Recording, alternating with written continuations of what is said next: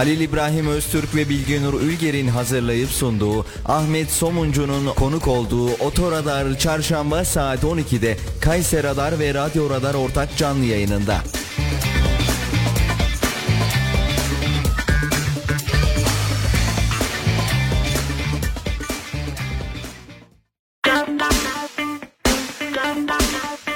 Bilge Nur Ülger ve Halil İbrahim Öztürk'ün hazırlayıp sunduğu Otoradar başlıyor.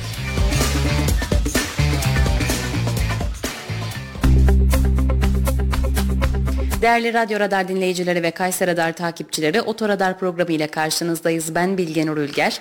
Ee, her hafta olduğu gibi Nuh Naci Yazgan öğretim üyesi e, Ahmet Somuncu ile birlikteyiz. Ee, bugün trafikte kara noktaları, yol kalitesini, yine vergi köşemizi konuşacağız. Sloganlarımızdan başlayacağız. Bugün Halil Bey maalesef aramızda değil. Üzüncü bir haber. Sonraki haftalarda bize katılacak. Evet. İyi günler değerli dinleyiciler ve izleyiciler. Teşekkür ederim Bilge Hanım.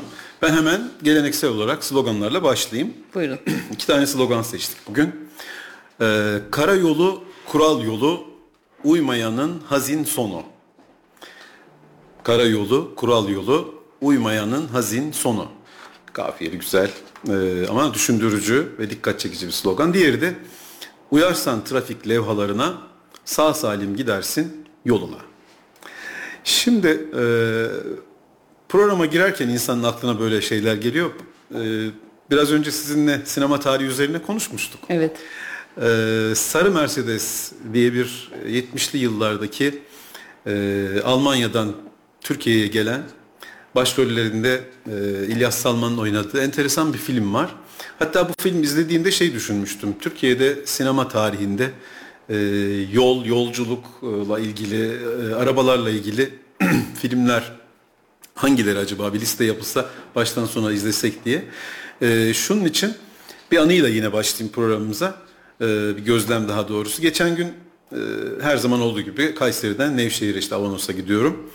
E, Avanos'a yaklaşırken karayolunda e, normalde 110 e, artı 10 işte 121 kilometre hız limitinin olduğu bir yol burası. E, çok da uygun değil bu hız limitine ama şöyle önümde bir kiralık araba e, otomobil gidiyor. Çünkü arkasındaki plakasında bir kira şirketinin, kiralama şirketinin ismi var.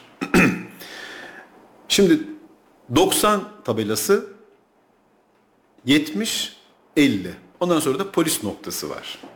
Şimdi önünde giden araba e, normal beraber aynı hızla gidiyorduk aşağı yukarı. 90'ı görünce frene bastı. 100 metre sonra 70 biraz daha frene bastı. Allah Allah bu niye yavaşlıyor falan dedim ben. Hani ben de yavaşlamam lazım ama bildiğim her gün gittiğim bir yol olduğu için. Ve 50'ye gelince araba resmen durur gibi yani 50'ye düştü. Yanlarından şöyle tam geçtim baktım Japon turistler veya Çinli tam bilemiyorum yani anlık bir görme. Ya dedim ki yani yabancı bir ülkeden gelen Japonya olsun, Çin olsun başka e, olacağını zannetmiyorum. Yani tabelaya ne kadar uygun Riayet davranıyor. ediyor. Yani bizim orada asla bizim hani sürücülerimiz ben de yavaşlamaya çalışırım. Yani dikkatli bir sürücüyümdür ama bildiğim bir yol olduğu için hani 100 metre sonra trafik noktası var. Polis arkadaşlar durdurursa yanaşır. işte kimliğimi veririm yoksa devam eder giderim. Yani e, bu uyarsan trafik levhalarına sağ salim gidersin yoluna sloganı maalesef yine gerçek hayatta e, normal trafik seyrinde e, uyulmadığını görüyoruz. Ama uyulur mu hocam? Yani öyle bir yolda yani 110 ile 120 ile gitmen gereken bir yolda e, 90'a hadi 90 neyse 70'e ve 50'ye düşmek doğru mu? E, Ya 50'ye düşmek doğru mu? Ya hiç kimse bunu uygulamıyor. Evet biliyoruz. Söyleyeyim. Ee, şöyle söyleyeyim. Ben o yolda yine aynı noktada yani. Ee, o tarafa Ürgüp'e, Göreme'ye, Avanos'a giden dinleyicilerimiz bilir orayı. Yani polis noktası. Ne, şey, e, Ürgüp Avanos yol ayrımından yaklaşık böyle 1-2 kilometre beri de bu tarafta yani. Şimdi ben orada çok denk geliyorum. Ee, kendim yavaşlayıp hafifte sağa geç işareti var oradan. Yani sağ yanaş. Çünkü polis denetim noktası var. Ve günün belli saatinde denetim yapılıyor. Şimdi arkadan bakıyorum. Aynadan bakıyorum şimdi arkadan araba geliyor mu diye. Ben sağa yanaşıyorum. Bildiğim bir yol oldum olmasına rağmen. Arkadan genelde gelen yabancı plakalı arabalar yani başka vilayetlerden gelen arabalar hızını hiç azaltmıyor. Turistlerinki hariç yani turistlerinki hariç. Azaltmıyorlar. Bakın sağ yanaş levhası var ve 90, 70, 50. 50'den sonra zaten durmanız gerekiyor yani polis durdurursa sizi eğer. Görünmez de bir kısım yani tam e, polislerin denetim noktası görünmüyor oradan. Şöyle hafif bir viraj almanız gerekiyor. Şimdi o yabancı plakalı hızını azaltmayan arabalar geliyorlar ve çok defa oldu beni sıkıştırıyorlar. Niye biliyor musunuz? Yol ikiye bölünmüş oluyor. Durmanız gerekiyor çünkü. Ya kardeşim evet. sana diyor ki sağa yanaş hızını azalt. Yani 90, 70, 50 ne demek? Yavaşta burada bir şey var yani. Bu Allah korusun kaza da olmuş olabilir. Yani bir tabela konmuş olabilir oraya. Bir yol inşaatı olabilir. Veya sağdan soldan zaten tali yol uyarısı vardır. Yani sağdan soldan tali yol olan yerlerde yeni yapılan yollarda hız azaltıcı şeritler var. Üzerinden geçerken böyle tıpır tıpır tıpır geçiyoruz yani evet. işte. Bu niçin yapılmış? Hızını azalt ki oradan traktör çıkabilir, motosiklet çıkabilir yan yoldan yani. Hayvan geçebilir yoldan. karşıdan karşıya. Dolayısıyla bu slogan çok güzel gerçekten. Uyarsan trafik levhalarına sağ salim gidersin yoluna. Yani başka bir örnek vereyim. Ee, yine Mersin otobanından örnek vereceğim ya buradan gittiğimiz Kayseri Mersin otobanından. Şimdi oralarda 3-4 tane çok şiddetli rüzgar alan viyadükler var. Viyadükler yüksekte ve e, işte iklim şartlarından, çevre şartlarından dolayı aşırı rüzgarlı oluyor ve siz e, o viyadüğe yaklaşırken böyle bir e, nasıl söyleyeyim havaalanlarında falan gördüğümüz rüzgar gülü işareti vardır. Trafik levhalarından birisi işte bu. Şimdi o işaret ne demektir? Burası yandan rüzgar oluyor. Yani dikkatli ol, hızını azalt demektir bu. İnanın çok kişiden duydum. Ya Mersin'e giderken ne biçim sallandık ya. Nerede sallandın? İşte o bir köprü gibi bir yer var ya. E kardeşim sana diyor ki burada hızını azalt. Yandan rüzgar var diyor sana. O tabela işaret ona işaret ediyor. Hatta bazıları yırtık pırtık olmuş ama tam viyadüğe girerken o rüzgar gülü e, mekanik olarak orada durur. Eğer rüzgar çok şiddetliyse böyle şişer balon gibi ve dimdik olur. Rüzgar yoksa böyle pörsümüş gibi durur yani öyle diyelim. E, dolayısıyla trafik levhalarına gerçekten uymak bizi çok şeyden kurtarıyor. Şimdi bugünkü programa e, gelmeden işte geçen Cuma günü Ankara'dan dönüşte çok feci bir kazaya ben bizzat önümde oldu, şahit oldum. Bakın aynı şey trafik levhalarına uymanın, trafik uyarılarına uymanın ne kadar önemli olduğunu. Ankara'dan çıktım Gölbaşı tarafından ve e, Kırşehir'e doğru diyelim, Şerefli Koçhisar'a doğru hava kararmaya başladı ama nasıl bir karartı? Yani resmen bulutlar toplanmaya başladı. Arkasından da şimşekler, yıldırımlar ve ben mecburen geliyorum. Ee, yaklaşık böyle bir 100 kilometre falan Ankara'yı çıktıktan sonra Bilge Hanım birdenbire aşırı bir yağış başladı. Otoban e, idaresinin, yönetiminin ışıklı tabelaları var üstte. İşte telefon numarası yazıyor 161 mesela Niğde Kayseri otobanının telefon numarası 161. Şöyle bir uyarı çıktı dedi ki yağışlı hava hızınızı azaltın. Dikkatli olun. Yağışlı hava diye uyarı çıkmaya başladı. Kayar böyle şekilde. E zaten bunu e, iyi bir usta sürücünün bilmesi lazım. Geçmiş programlarımızda söylemiştik. Ben yine tekrar ediyorum burada değerli dinleyicilerimize. Bugün artık iklim değişikliğinden dolayı bakın yağmurlu havalar, karlı, e, buzlu havalardan daha tehlikeli olmaya başladı. Evet yağmur sonrası çünkü biz de aynı şeyi yaşıyoruz hocam sözünüzü kestim. Estağfurullah. E, sayfamız böyle oluyor. Yani Evet. Yani o kadar fazla kaza, o kadar fazla e, su baskını, işte yollar sele dönüşmüş, o kadar fazla geliyor ki. Yani o günü biz şeyle geçiriyoruz böyle kaosla geçiriyoruz. Evet sayfa şey oldu patladı hadi şey yapalım. Hadi neden böyle oluyor? Teknik olarak bilgi vermeye çalışalım bildiğimiz kadarıyla. Bir, yağmurun ilk yağdığı anlarda to, e, asfalt yüzeyinde, yol yüzeyinde toz birikintileri, araçlardan akan çeşitli sıvılar hı hı. E, mutlaka vardır yollarda. Bunlar yolu pist haline getiriyor. Yani buzdan daha tehlikeli hale getiriyor. Yani toz bile dikkat edin yani kamyonlardan dökülen işte ne bileyim hafriyat kamyonlarından dökülen yoldan rüzgarla gelen toz asfalt yüzeyinde ilk yağmurla birleşince bildiğiniz kayak pisti gibi oluyor. Araçlarımızın lastik durumunu defalarca buradaki programlarımızda uyardık, uyarmaya devam edeceğiz. Araçlarımızın lastiğinin bir diş derinliği azaldıysa yola tutunmak gerçekten çok zor. Canım işte önleri değiştirdim ben. Yetmez kardeş. Bu araba dört tekerde üzerinde gidiyor çünkü. Arkalar önemli değil dememeliyiz. Yani çekişin olduğu ön veya sadece arkayı değiştirmek yetmiyor. Dört tekerimizin de e, diş derinliğinin lastik hava basıncının uygun şekilde ayarlanmış olması lazım. Çünkü lastik diş derinliği düştükçe, azaldıkça su tahliyesi zorlaşıyor. Yani siz hareket halinde gidiyorsunuz. İşte otobanda diyelim ki 140 kilometre Niğde e, Kayseri otobanında hız sınırı var. Artı %10 opsiyon eklediğimizde bu çıkıyor 154 kilometreye. Şimdi siz böyle yağışlı bir havada 154 kilometre süratle önden çekişli, arkadan itişli hatta dört çeker bir araçla giderseniz lastik diş derinliğiniz yeterli değilse o suyu tahliye edemezsiniz ve maalesef çok üzüldüm ben buna. E, hayatımda e, hani canlı olarak önümde cereyan eden bir kazaydı. Hı hı. Allah'tan araca hiç bir şey olmadı. Yani araç takla atmadı. E, savruldu yağmurun etkisiyle. Yol çünkü göl haline geldi. Muhtemelen diş derinliğinden kaynaklandığını düşünüyorum ve çok süratliydi. Yani beni sollayarak geçti. İşte ben yüzlere falan düşmüştüm yağmurlu birdenbire başlayınca.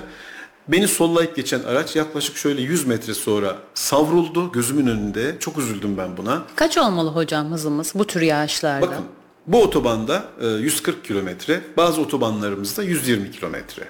Şehir içine geleceğim şimdi. Artı 10 eklediğimizde 120 ile gidilen otobanlar 130 kilometre, 131 oluyor. 140 kilometre ile gidilmesi gerekenler 154 kilometre oluyor. 150 diyelim yuvarlak hesap. Ama siz böyle yağışlı bir havada ki yol çizgileri görünmüyor diyorum bakın Bilge Hanım. Yani yolu göremiyorsunuz. Yani resmen görün üzerinde gidiyorsunuz. Böyle bir havada siz 150 ile gitmeye devam ederseniz hiçbir araç lastiği, hiçbir sistem sizi yolda tutamaz. Sonuç Araç ani bir çarpmayla bariyerlere çarptı. Onun çarpma etkisiyle sağ tarafa savruldu ve ben önünden geçip gitmek zorunda kaldım. Çünkü arkadan da arabalar geliyordu. Herkes dörtlülerini falan yaktı. Dörtlü flaşörlerini yaktı. Çok üzücüydü. Kesinlikle eminim inşallah yani diyeyim e, bir can kaybı falan olmadı. Yaralanma olmuştur belki ve araç hasar gördü. Kaç olmalı? Dolayısıyla 140 ama hava yağışlıysa sizin ciddi şekilde hızınızı azaltmanız lazım. Ee, şehir içi yollarda daha önce konuşmuştuk. Kayserimizi özelinde konuşuyoruz. Pek çok yerde 70 kilometre artı 7 kilometre ekliyoruz. Buna 77 kilometre. Örneğin işte Boğaz Köprü'den e, Metro Gross Market veya işte Ambar mevkiine yaklaşan yolda 70 kilometre diye zaten uyarı levhası var. Konya'da bu tür yerlerde aslında 82 kilometre. Bizim e, sürücülerimiz biraz sabırsız olduğu için Konya'da bu tür yollar şehrin girişindeki yani henüz trafiğin çok yoğun olmadığı yerde 82 kilometre. Ankara'da keza yine 82 kilometre. Belki bizim Kayseri Büyükşehir Belediyesi UKOME komisyonumuz da bunu dikkate alır. Çünkü kimse orada 70'te gitmiyor maalesef. Evet. E, bayağı bir 90-100 gidenler var. E, kontroller de yine sıklaştı ama hani seçim sonrasında radar vesaire. İşte radar arabasının levhasını görenler yavaşlıyor. Radar geçtikten sonra yine hızlı gitmeye devam ediliyor. Dolayısıyla Yağışlı havada ben diyorum ki özetle hızımızı en az %10 azaltalım. Lastiklerimizin diş derinliğini uygun şekilde olacak ayarlayalım. Lastiğimizi mümkünse değiştirelim. Ya gidiyor işte nasıl olsa demeyelim. Lastik diş derinliği 3 milimin altına düşmemeli. Düştüğü zaman o araç nerede olursanız olun yola tutunamıyor. Hele hele bir viraj dönüyorsanız, hele hele ani fren yapmanız gerektiğinde fren sistemi e, işte ABS, ESP buna asla fayda etmiyor. Dolayısıyla e, uyarsan trafik levhalarına sağ salim gidersin yoluna meselesinin özeti bu. Size hız azaltma uyarısı veriliyorsa yani oradaki e, tabela işte 50, 60, 70 neyse işte buna mümkün mertebe uymak gerektiğini düşünüyorum. Bir Hocam de, bir de yine lafınızı böldüm ama e, şöyle e, yolda 70 ile gitmeniz gerekiyor. Yani üst sınır 70. Evet. Siz bir de üzerine %10 koyuyorsunuz. Evet yani %10'a e, kadar olunca ceza almıyorsunuz. 77 oluyor işte toplam. Ama Yet- sınır 77 son sınır yani. 78 olunca cezaya maruz. Bu son sınırla kimse gitmiyor. Siz gittiğiniz zaman da selektör yapıyor, korna basıyor. Yani git artık diyor ve trafiğin belirli bir akışı var. Buna da uymak durumundasınız. Efendim şöyle, e, iki şeritli yolsa, sağınızda doluysa e, tabii birdenbire sağa geçmeniz imkansız. Geçen günde hatta İbrahim'in kulağını çınlatalım. E, o şöyle demişti. Ya mesela 70 kilometre hız sınırının olduğu yerde siz sürekli sol şeritten 70'te giderek orayı işgal etmemelisiniz. Neden? Bu da bir gerçek. Onu da söyleyelim. Mesela e, o kişinin acil bir işi vardır. Hasta götürüyordur. Hastaya yetişmesi gerekiyordur. O hız sınırını aşmak istiyordur diyelim ki yani. Ben hiç öyle düşünmüyorum hocam. Onların ceza almasını nasıl güzel engelliyoruz? Efendim şöyle e, denetim olması lazım. Yani şöyle artık bu EDS dediğimiz yani elektronik denetim sistemi Kayseri'de hızla yaygınlaşmalı. Bugün biraz yöneticilerimizden ricalarımız, onlara bazı mesajlarımız olacak. E, programın başında konuştuk. E, çok az yerde elektronik denetim sistemi var. Elektronik denetim sistemi veya belli işte aralıklarla e, hız kontrolü e, Konya'da çok fazla. Ankara'da çok fazla. Ee, Ben son iki ay içinde bayağı arabayla şehirler arası seyahat ettim. Zaten yıllardır Kayseri Nevşehir arası seyahat ederim. Bu elektronik denetim sistemini bizim geliştirmemiz yani Kayseri'nin e, giriş çıkışlarına en azından koymamız gerektiğini düşünüyorum. Şu anda sadece e, Boğaz Köprü'den Adana yönüne döndüğümüzde Saraycık Köyü'nün önünden e, 14 kilometre mesafede bir ortalama hız tespit sistemi var. Ama bu taraflarda bu yollarımızda yok. Sivas tarafını bilmiyorum epeydir gitmedim çünkü. Dolayısıyla e, kuralların denetimle de taçlandırılması gerekiyor. E, ihbar ettiğimizde hani 112'yi arayıp 155'e şu araç hızlı gitti dediğimizde elimizde bir delil yok. Ne kadar hızlı gitti onu bilemiyoruz. Şu anda tek hız denetim yolu maalesef çok da e, ilkel bir yol bence. Radar tabelasını koyup, radar aracını koyup orada bir polis arkadaşımız da akşama kadar, sabaha kadar neyse işte tutmak şeklinde olan tespit sistemi. Ama ben elektronik denetim sisteminin Kayseri gibi nüfusu çok fazla artmış, trafiği çok fazla artmış yerde şehir içlerinde bile kullanılması için gerekli işte ödeneklerin ayrılmasını, planlara, programlara konulmasını talep ediyorum. Ama ne kadar kötü değil mi?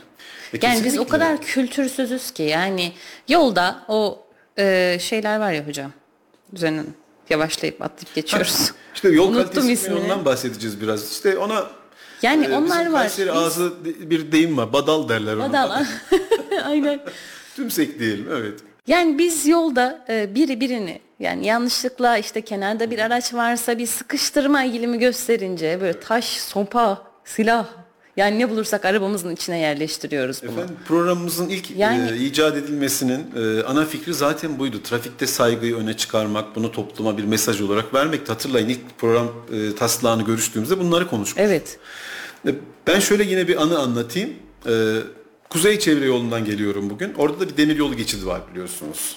Yani Nuh Naci Yazgan Üniversitesi'nden diyelim geliyorsunuz işte Erkilet e, üstünden geçip e, ve Sivas Caddesi'ne döneceksiniz. Maraş Malatya yönüne gideceksiniz veya Sivas yönüne döneceksiniz. O işte köprülü kavşağın olduğu yer. Ama orada bir tren geçidi var. Yani oraya yaklaşmadan şöyle 2 kilometre beride. Şimdi ben yavaşlıyorum arabama kıyamadığım için yani arabam çok kıymetli herkes için kıymetli ama arkamdan bir küçük bir hatchback araba nasıl geliyor ama böyle inanılmaz bir süratle geliyor değil mi? Herhalde bu yolu bilmiyor bu yabancısı buranın.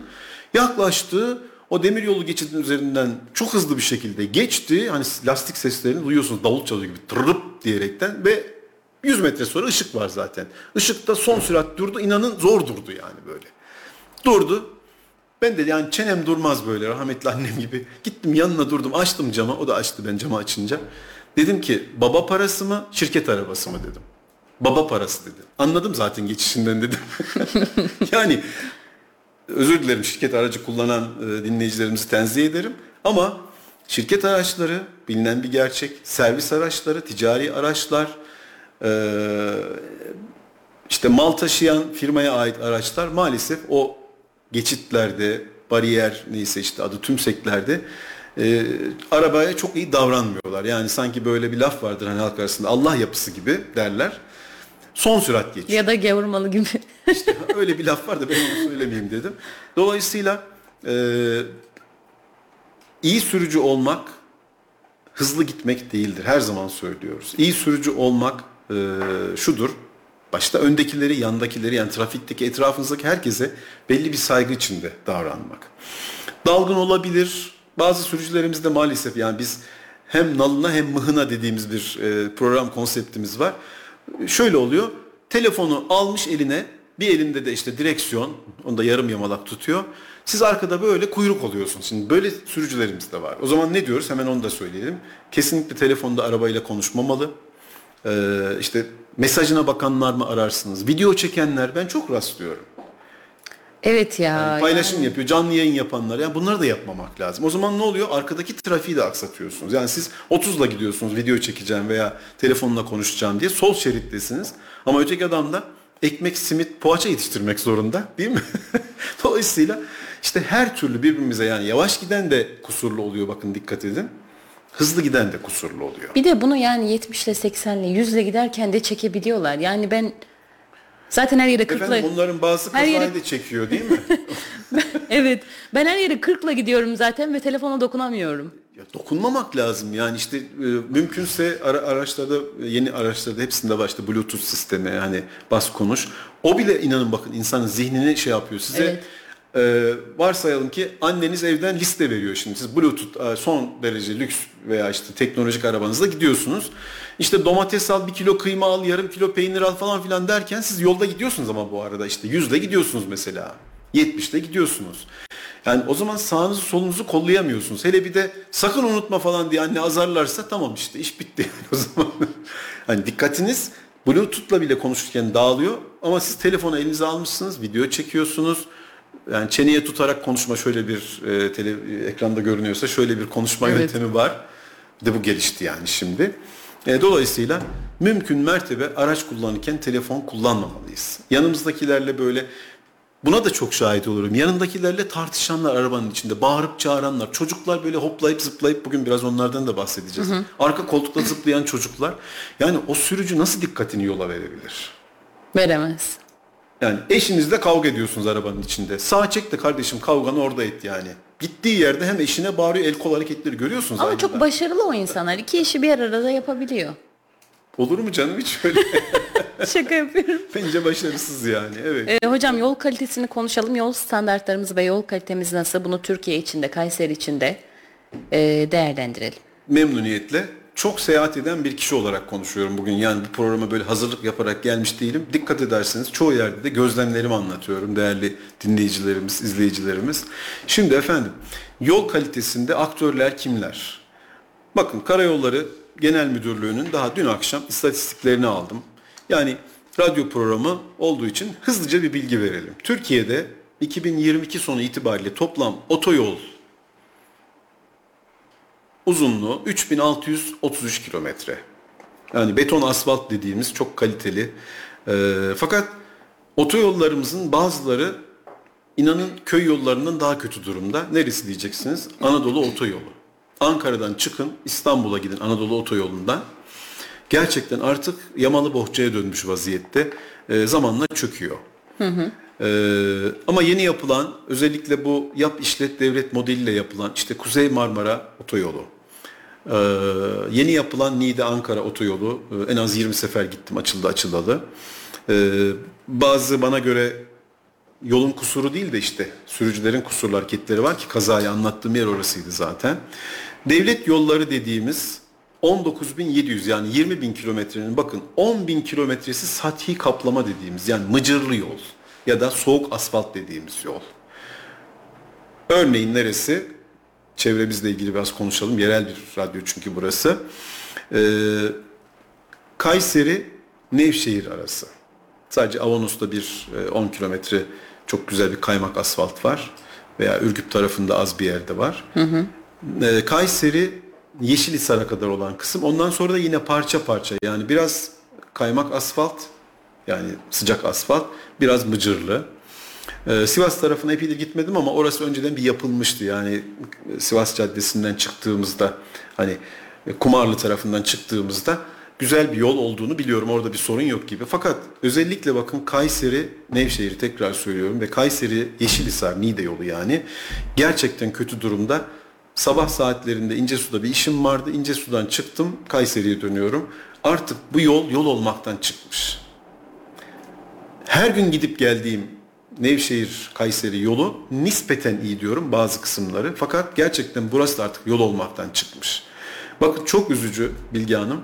Daha sabah gelirken tam Garipçe'ye yaklaşırken iki tane köpek ölüsü gördüm maalesef. Daha sabah olmuş yani. Neden biliyor musunuz? Yol kalitesinden bahsedeceğiz ya bugün.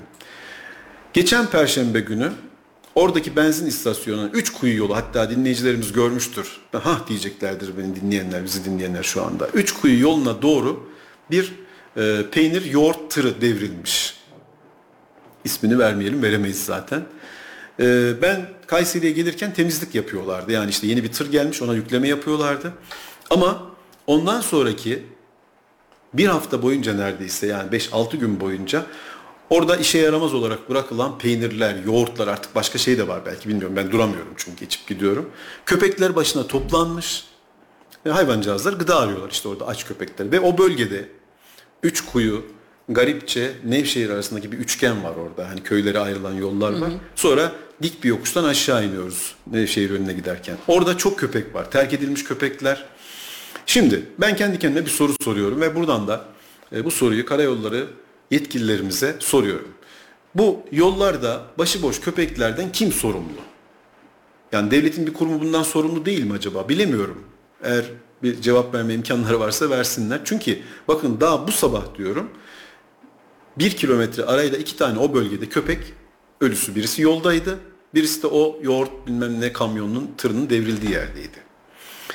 Ee, uzak yollardan gelen yorgun insanlar e, bu hız sınırıyla bağlantılı dediğimiz gibi tamam 120 ile gidiyorsunuz ama benzin istasyonları, lokanta civarlarında işte terk edilmiş köpeklerin çok olduğu yerleri bilemiyor tabii ki. Köpeğe çarpma diye klasik bir şey vardır. İnanın geçen gün havaalanından, Kayseri Havaalanı'ndan Nevşehir'e bir transfer aracıyla gittik. Ee, şoförle onu tanıyan birisi bindi yanına. Ne diyor biliyor musun? O bölgeye yaklaştık. Hiç köpeğe vurdun mu burada diyor. Şoföre soruyor. Ne kadar yaygın bir şeyse. Ya evet çok yaygın bir şey ama neden köpeğe vursun? Köpek bir can değil mi? Bu köpekleri kim koruyacak? Karayollarının denetim yapan ekipleri bu köpekleri görüyorlar. Hatta sağ olsunlar belki yemek falan da veriyorlardır aç kalmasınlar diye. Ben buradan yine bir e, sosyal sorumluluk, bir akademisyen sorumlu diyorum ki karayolları ekipleri bunları biliyor. Bu köpeklerin acilen toplanıp bir barınağa, bir e, belediyenin artık yani bilemiyorum neresiyse bir yere götürülmesi lazım. Hani gördükleri anda alınması lazım. İnsanlar getirip maalesef bakamadıkları köpekleri buraya bırakıyorlar. Biliyorum ama yani neredeyse hafta boyunca ben hemen hemen iki güne bir, üç güne bir burada köpek ölüsü görüyorum. Yani köpeğe çarpılmış vaziyette. Dolayısıyla demek ki bakın yol ne kadar kaliteli olursa olsun yolda siz köpekleri çarpılmasını önleyemiyorsanız bu çok acı bir durum yani. Yani çok büyük bir evet. ayıp. Gelelim yol kalitesine. Neyden bahsediyorduk? Kayseri'nin bağlantı yolları olan özellikle Nevşehir, Niğde, Yeşilhisar'a kadar olan kısımda acilen bu yolun yapılması gerekiyor. Neden? Ben yine gözlemlerimi anlatıyorum bakın. Ben yaklaşık 12 yıldır Avanos, Nevşehir, Kayseri arasında gidip geliyorum. İlk gidip gelmeye başladığım yıllar yani 2010-12 yıllar arasında bu yollarda ağır vasıta olarak yük taşıyan kamyonlar vardı. Sonra bir 40 ayak diye yani önde iki aksı arkada işte iki aksı olan yani dört tekeri olan diyelim ee, araçlar, kamyonlar icat oldu. Fakat şu anda artık bu yollarda kamyon göremiyoruz. Neden? İşte maliyetler kurtarmıyor, yakıt kurtarmıyor. Daha fazla yük taşımak için tamamen yük taşımacılığı tır dediğimiz yani çekicilere dönmüş. Dorse ve çekiciye dönmüş vaziyette. Hı hı. Bu çekicilerin motor gücünü söyleyeyim size bakın. 500 beygir. Geçen de konuştuk ya. Evet. Beygir gücü ne anlama geliyor diye. Yani benim aracım 105 beygir. Sizinki 75, 80. Bilmiyorum. 82 beygir civarında zannediyorum sizin aracın. 105. Siz bana soru sormayın ben size sorayım. Yok estağfurullah yani karşılaştırma için söylüyorum. Ama bir tırın beygir gücü 500 ve üzeri. Daha üzeri ne kadar olduğunu da bilmiyoruz. 600 olanlar var, 450 olanlar var. Ha, bu niçin? İşte güçlü bir şekilde alsın, hızlı bir şekilde götürsün diye. Bakın bu yollarda Niğde Kayseri arasında, Yeşilhisar Kayseri arasında, Nevşehir Kayseri arasında her gün gidip gelen bir kişi olarak söylüyorum. Tırlar birbirini solluyor. Evet. Yani siz küçük sürücü olarak tırın tırı sollamasını bekliyorsunuz. Neden? İki şeritli bir yol. Rampada tır tırı sollar mı Allah aşkına? Ben trafik yetkililerimize sesleniyorum buradan. Rampa çıkıyorsunuz, tır tırı solluyor. Yani normalde bu yolda tırların sağ şeridi işgal etmesi lazım. İşte hocam biraz evvel de ben onu demek istedim. Kurallar illaki olacak, tabii ki olacak. Ama biz e, denetlenmeye muhtacız yani. Kesinlikle. Yani bunu çok söylüyorum. Her programımda da neredeyse değiniyorum. Çit yapıyorlar ya. Bizim için çit yapıyorlar. Evet. Yani kimse kusura bakmasın çok özür diliyorum ama hayvan çiti o. Biz o kadar kurallara uymuyoruz ki bizi bir çitle engellemeye çalışıyorlar. Çitin üstünden de atlıyoruz ama değil mi? Evet. bir de o yani. Çitin üstünden Yani- atlayarak geçtiğimiz şehir içi yollardan bahsediyorsunuz. Evet, evet. Efendim sollayabilir. Yani devirden düşmemek için. Fakat ya bir sinyal ver. Sayın mübarek tır sürücülerimiz yani e, çok rica ediyorum. Bu yollarda gidip gelen şu anda sesimizi duyan varsa sinyalini verirsen ben de ona göre kendimi ayarlarım, frene basarım. Aniden sol şeride geçiyor sinyalsiz olarak. Siz de diyelim ki belli bir sürattesiniz. Tırın altına girmek dediğimiz bazen bundan bazen de işte tır sağ şeritte bir yerde bir e, arıza çıkıyor. Bir şey oluyor. Durmak zorunda kalıyor. Ve çok da kötü kazalar oluyor. Ee, virajı bir dönüyorsunuz tır sağa çekmiş vaziyette. Lastiği patlamış olabilir. Bakın yine laftan lafa geçiyoruz. Aynı otobanda geçen otobüsle dönüyorum Niğde Ankara otobanında. Kamyon lastiği yarılmış yani kaplaması çıkmış tamamen. Ve inanın şu masanın yarısı kadar masamızın yarısı kadar büyüklükte belki bu kadar tam göremedim. Bir lastik parçası sağ şeritte böyle yatıyor kuzu gibi. Kaptan gördü. Ben yine kendimi tutamadım. Otoradar programının bir konuğu olarak. E, 161'i aradım. Dedim ki şu bölgeden geçiyoruz şu anda. Dedim sağ şeritte çok büyük bir lastik parçası var. Kamyon lastiği. Lütfen dedim bunu bir uyarın da ekipler bir baksın böyle. Çünkü hava da kararıyor. Bakın şimdi orada kamyon lastiği duruyor. Siz de diyelim ki sağ şeritten gidiyorsunuz. Yani çok hızlı bir vaziyette seyrettiğinizde o lastiği görmeden gidip o lastiğe bam diye Olmuştu çarp- kaza izlediniz mi? yani olabilir. Oluyor da yani. Anlatabiliyor muyum? Ne araç. yapması lazım? Kamyoncunun sağa çekip işte ekipleri arayıp benim kamyon lastiğim yarıldı, patladı, çatladı neyse işte gelin bunu alın veya kendisini bir kenara koyup oradan çünkü güvenlik şeridi var sağ tarafta otobanda. Bunun için yapılmıştır bunlar. Sağa çekecek, gelecek o yola düşürdüğü parçayı branda düşürenler mi ararsınız? Hani kamyoncuların brandası olur böyle üstünde. Pek de takmıyorlar ama branda çekmiyorlar. Brandayı düşüren mi ararsınız? E, Dolayısıyla e, işte yollarda güvenlik çok önemli. E, biraz daha dikkat diyoruz. Yol kalitesine geleceğim tekrar özür dilerim. Hocam ben hemen böleyim mi sizi? Umut Bey yazmış köpeklerden e, o mevkinin belediyesi kimse o sorumlu yazmış. Belediye benim de aklıma gelmişti ama O zaman yanlış bilgi vermeyeyim diye e, söylememiştim. Bir O de sorusu var hocam. Buyursunlar.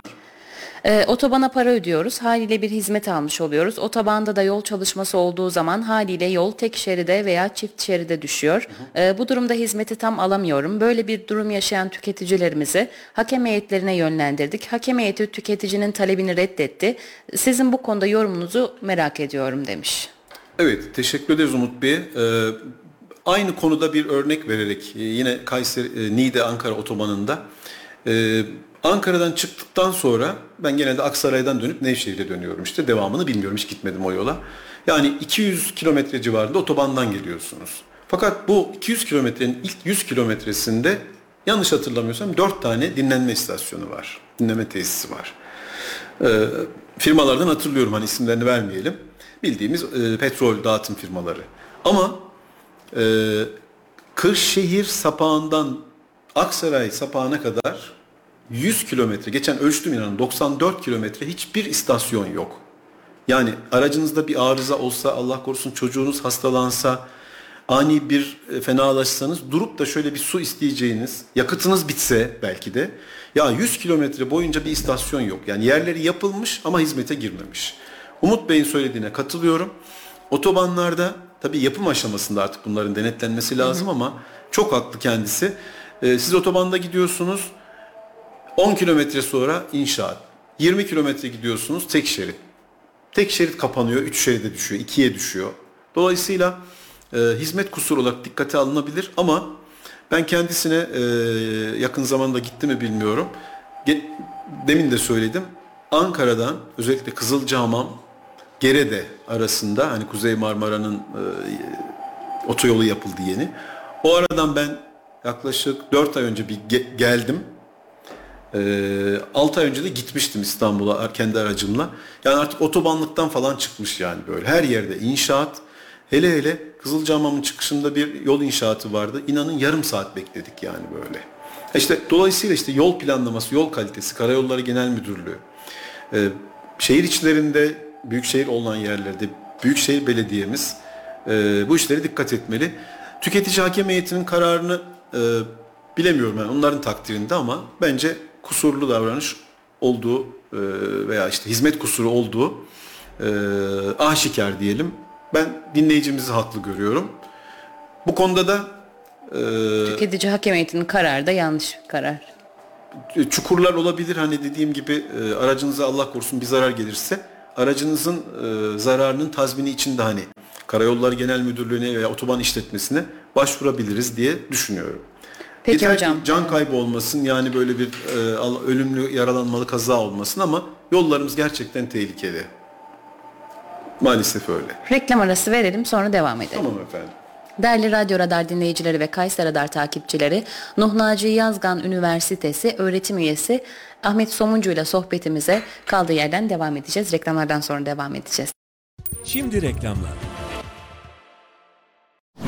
Tekden Hastaneleri bilgilendiriyor. Meme kanserinden erken teşhisle kurtulmak mümkündür. Hiçbir yakınma olmasa bile 20-40 yaş arası kadınların 2 yılda bir kez, 40 yaş üzeri kadınların yılda bir kez meme muayenesi olması önerilmektedir. Tekden Hastaneleri bilgilendirdi.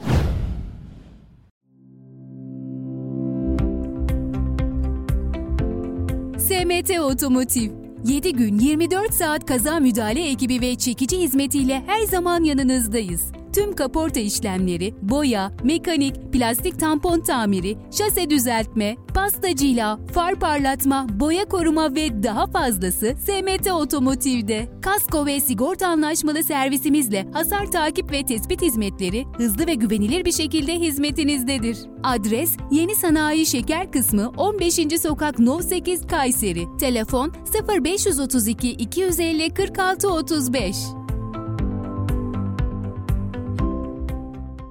Bir imza düşünün. Olduğu her yere değer katan, hayat veren. Hayalleri gerçeğe dönüştürürken memleketin her karış toprağına güçlü projelerin temelini atan bir imza. İlkleri yaşatan aynı imza şimdi sizleri yeni projelerine davet ediyor. Bu imzayı tanıyorsunuz. Çünkü 5 yıldır olduğu her yerde farkını yaşıyorsunuz. En iyisini isteyenler için değeri her geçen gün artan yaşam projeleri Grup Avenir güvencesiyle Yozgat ve Kayseri'de.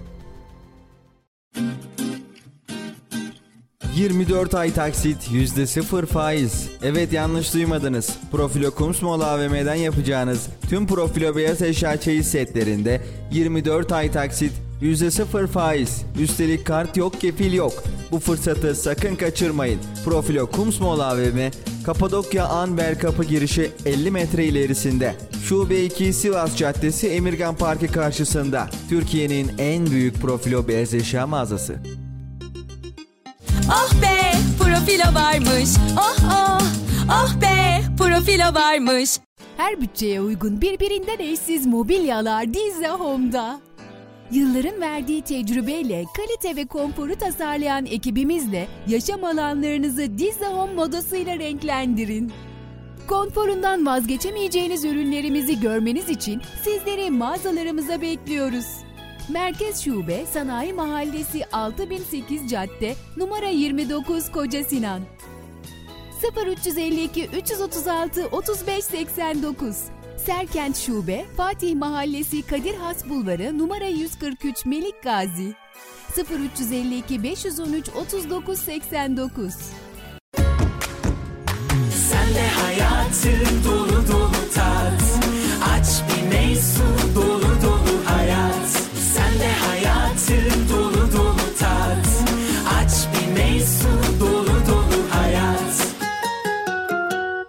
Dağtekin İnşaat 12 yıllık tecrübesiyle huzuru ve mutluluğu inşa etmeye devam ederken sizlere depreme dayanıklı yapılarımızla güven veriyoruz.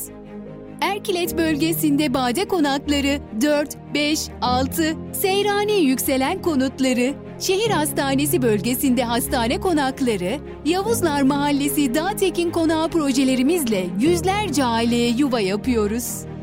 Erkilet bölgesinde yer alan villa projelerimiz İnciada Villaları 1, 2, 3 ile doğanın kapılarını sizlere aralıyoruz. Siz de bu projelerde yerinizi almak, iddia tekinle yuva sahibi olmak için acele edin.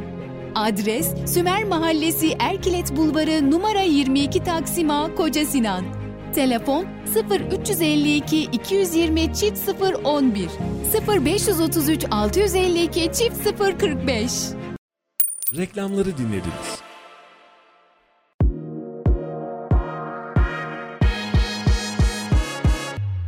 Bölgenin en çok dinlenen radyosunda kendi markanızı da duymak ve herkese duyurmak ister misiniz? Markanıza değer katmak için bizi arayın. Radyo Radar reklam attı. 0539 370 91 80. Değerli Radyo Radar dinleyicileri ve Kayser Radar takipçileri Nuh Naci Yazgan Üniversitesi öğretim üyesi Ahmet Somuncu ile sohbetimize eee, devam ediyoruz. Teşekkür Hocam ederim. sizi bölmüştüm buyurun. Estağfurullah. Şimdi bu e, yol kalitesinden devam edelim. Sonuç şehirler arası yollarımızın bir daha şu rakamları vermek istiyorum.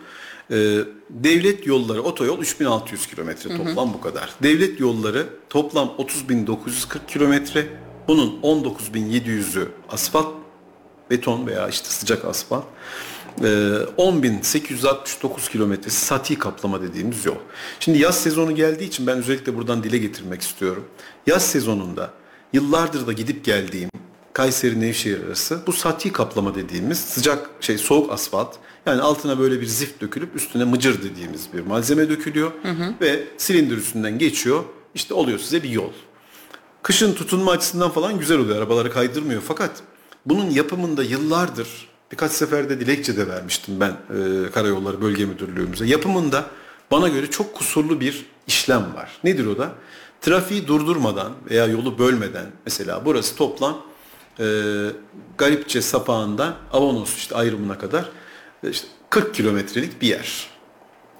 Nevşehir sınırına kadar 10 kilometre aslında ama 40 belki 50, 50 kilometre.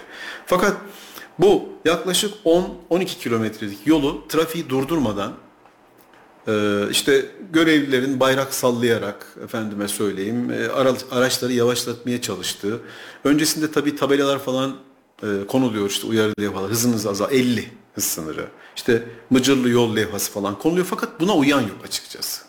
Evet. Ve e, benim aracımın ön kaputu hatta birkaç sefer cam çatlağı oluştu maalesef. Bu mıcır yüzünden e, şey oldu. Hasar gördü. Kaskodan değiştirdik. Şimdi Umut Bey'in e, örneğine geleceğim. Ben bunu e, bir para ödemiş olsaydım yani daha doğrusu kasko ödediği için kasko şirketi karşıladı ama Allah korusun aracımla kaza yapsaydım. Hani mıcırlı yol çok tehlikelidir. Yani araçları Evet. kaydırabilir. Ee, daha büyük bir hasar oluşsaydı, motor radyatör delinseydi ne bileyim başka bir şey olsaydı. Bunu kimden talep edeceğim?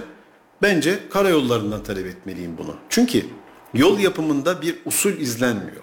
Mesela yol yapımı şöyle yapılmalı. Herkesin bildiği gibi belli mesafeler bölünmeli. Örneğin 5 kilometrelik mesafeler veya 10 kilometrelik mesafeler yol trafik bir şeride aktarılmalı gidişli gelişli şekilde sağ tarafta inşaat devam etmeli yapılmalı çizgisi işte süpürmesi bilmem nesi ora bittikten sonra bu tarafa geçilmeli oraya yapılmalı ama bu yolda yıllardır diyorum bakın e, trafik durdurulmadan birkaç günün içerisinde hızlı bir şekilde işte altına zift dökülüp üstüne mıcır dediğimiz o iri malzeme dökülüp silindir geçip e, yolun temizlenmesi, şeritlerinin e, yazılması, çizilmesi bir hafta 10 günü buluyor.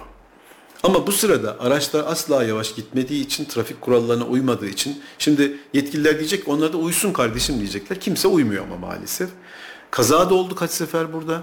Bakın yıllar önce e, Fethiye'den dönerken aynı yol inşaatı, aynı sistem yol inşaatında kaza yapan Turizm Bakan Yardımcımızı biz kaybettik. Vefat etti yoldaki olan kazadan dolayı. Mıcırlı yol kazası.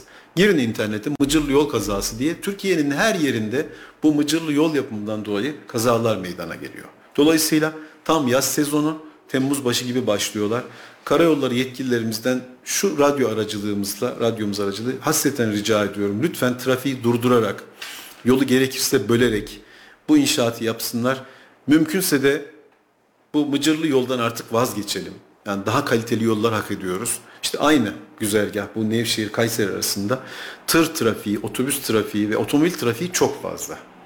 Bu yolun genişletilmesi gerekiyor. Ee, şu andaki haliyle gerçekten perişan vaziyette. Aynı şekilde Kayseri Yeşilhisar ayrımı kadar olan Niğde yolu da çok perişan vaziyette. Buradan yetkililerimize sesleniyorum. Gelelim şehir içi yollarımıza. Şehir içi yollarımızda da çok trajikomik bir durum var. Yani belediyelerimizin sorumlu olduğu kısımda.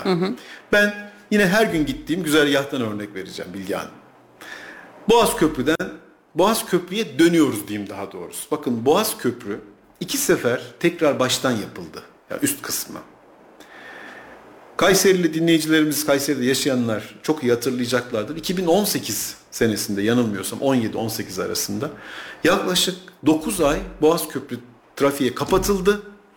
Biz Himmet Dede tarafından yani e, kuzey çevre yolu üzerinden Kayseri'ye 20 kilometre mesafe uzatarak gittik geldik. İşte hastanesi olanlar, hastası olanlar, seyahat için gidenler gelenler. Şey de yapılmamıştı. Güney çevre yolu da tam bitmemişti organizeden gelen yol. Şimdi 9-10 ay burası kapalı kaldı. Yapıldı. 3 ay sonra aa tekrar.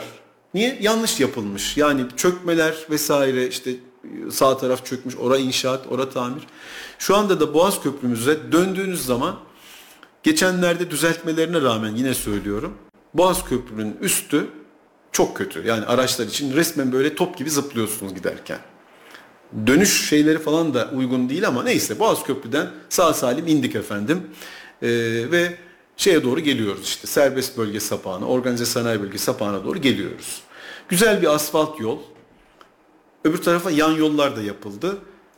Şeye kadar geldik. Serbest bölge sapağına kadar geldik. Ondan sonra yol birdenbire değişiyor. Hani bir iniyorsunuz, çıkıyorsunuz. Bir göbek var yani dönüş göbeği var. Ondan sonra tekrar Metro Gross Market'e doğru devam ettiğimizde belediyenin yeni yaptığı, hani bundan sonra yaptığı yeni bir yol var. Gerçekten Avrupa standartlarında yani toplam 2 kilometre falan civarında. Ama onu geçtikten sonra yol gene değişiyor. Sağa dönüşler, sola dönüşler. Oradan kuzey çevre yoluna döndüğümüzde bu e, serbest bölge sapağından organize sanayi bölge sapağından döndüğümüzde o yol da yeni yapılmış olmasına rağmen ilk dönüşte e, çökmeler, yırtılmalar e, yani yüzünde böyle hani asfaltın dağılması gibi bir manzara var. Kuzey çevre yoluna çıkışlar çok kötü. Kuzey çevre yolumuzda çoğu yerde bariyerler araçların çarpması, kaza yapması sonucunda hasar görmüş vaziyette. Aylardır duruyor bunlar. Bunlar ne zaman düzeltilecek bilmiyorum. Gelelim rögar kapağı sorununa. Böyle bir sorunumuz var maalesef. Evet. Ee, yani ben buradan ilk defa yapıyorum bunu. Kendi şahsım adına e, kurumu dahil etmiyorum. Büyükşehir Belediye Başkanımızı, ilçe belediye başkanlarımızı kendi aracımla Kayseri'de belli güzergahlarda dolaştıracağım. Çay da ısmarlarım, kahve de ısmarlarım kendilerine. Ya lütfen şu rögar kapaklarını bir standarda kavuşturalım artık. Rögar kapağına düşmekten, rögar kapağın üstüne çıkmaktan, ee, insanlar gerçekten herhalde bıkmış vaziyette ama artık kanıksamış durumdayız. Yani bu rögar kapakları neden asfalta sıfır yapılamaz? Ben bunun örneğini de göstereceğim kendilerine. Barcelona'da yani Avrupa'nın çok kentine gittim ama Barcelona'da resmini çekip paylaşmıştım. Asfalt ve rögar kapağı sıfır. Yani milim milim sıfır. Biz neden yapamıyoruz? Hemen de bir örnek vereyim isterseniz. Altınoluk'tan organize dağ yoluna giderken tam petrol istasyonunun karşısında yaklaşık 50 metre sonra orada bir rögar kapağı var. 10 yıldır o yoldan gidip geliyorum ben. Bu rögar kapağı değişmedi. Çukur yani. Mecburen kaçmak zorunda kaldığınızda o rögar kapağına küt diye düşüyorsun. Sadece bir örnek veriyorum ama tekrar söylüyorum. Başkanlarımız başımın üstünde yeri var. Kendi aracımla gezdireceğim. Dolaştıracağım. Bana bir iki saatlerini ayırabilirlerse bir saatte yeter. Bu rögar kapaklarının olduğu birkaç yeri sadece kendi güzergahımda göstereceğim. Lütfen belediyelerimiz rögar kapaklarını düzeltmek için bir e, proje başlatsınlar. Belediye başkanlarımıza da Bence buradan yapılabilir çünkü bunlar. çağrı olsun. Evet, çukurlar zaten kış şartlarından dolayı çok fazla. Bir de yeni öğrendiğim bir şeyi söyleyeceğim. Büyükşehir Belediyesi'nin e, yapması gereken yollar 30 metrenin üstündeki yollarmış. 30 metrenin altında olan güzergahları ilçe belediyeleri yapmak zorundaymış. Bunu da yeni öğrenmiş bulunuyorum. İlgili mevzuat öyleymiş. Ya o zaman şöyle oluyor işte. Genelde bu döner kavşaklar veya yan yollar. Hadi ona da bir örnek vereyim. Ee, eski Karamete benzinliği dediğimiz dinleyicilerimiz burayı bilir. Hürriyet Mahallesi civarını söylüyorum. Oradan Kartal yönüne dönerken bir yan yol var orada. Lütfen gitsin yetkililer oraya baksınlar. Allah aşkına burası ne zaman düzelecek? Bir yağmur yağdığında aşırı derecede yağmur doluyor. Artı yol artık yol olmaktan çıkmış. Yırtılmış yani yol böyle yüzü böyle yırtılmış. İşte e, Büyükşehir Belediyesi yetkilileri dedi ki bana telefonda ben dilekçe vermiştim. Burayı dediler ilçe belediyemiz yapacak. Ne zaman yapacak? Vallahi programı aldılar. Ne zaman yaparlarsa bilmiyoruz. Bunun üstünden inan 3 sene geçti. Fatih Bey de yazmış hocam. Hocama katılıyorum diye. E, teşekkür Ee, rögar kapakları için. Evet. Çok önemli. Yollar hakkında söyleyeceklerimiz bu kadar Bilge Hanım. Ee, hocam ben şeyde gördüm yine sosyal medyada gördüm. Ee, yolun altına yurt dışında tabii ki bahsettiğim yer e, beton dökmüşler. Yolda bozulma, kırılma, çatlama herhangi hiçbir şey yok. Yani dümdüz yol ve e, bir inşaata sonrasından bir yapım çalışmasına hiçbir şeye gerek yok. Yani Efendim? tertemiz bir yol. Yani böyle e, tabii milimini bilmeyeceğim ama e, çok kalın bir beton dökmüşler yola. Valla o kadar hani teknik bilgim yok. Yani yol yapımı hakkında çünkü ben e, uzmanlık alanım değil ama o hep zaten söylenir işte Avrupa'da yollar şöyle bizde yollar böyle gibi. Bir Hadi de yine- şey gördüm. e, suyu çeken asfalt. Ah keşke. Yani bizde bilmiyorum e, dökülen bu otoyollardaki beton asfaltın öyle bir özelliği var mı? Sıcak asfaltın öyle bir özelliği var mı? Bu kadar teknik bilgim yok. Keşke olsa. Fakat e, şehir içi yollarda yeni yapılanlar artık onu söylemeyelim mevkini. Siz radyo radar olarak daha iyi biliyorsunuz oraları. Evet. Yani daha bir yıl olmuş yapılalı. Bura Evet. nasıl planlanmış, nasıl yapılmış, nasıl kontrol edilmiş bilmiyorum. Ben geçen gün işte oradan bir mevkiden geçerken ismini vermeyeyim. Gerçekten suyun içinde kaldım. Yani suya girmek zorunda kaldım. Göremiyorsunuz çünkü. Yani her zaman geçtiğim bir güzergah değildi. Ee, maalesef planlamaların işte e, su tahliyesinin hele hele bugünlerde son yıllarda daha doğrusu bu iklim şartlarından dolayı e, şehir içi yollar daha önem kazandı. Alt geçitler daha önem kazandı. Niye? Birdenbire doluyor çünkü.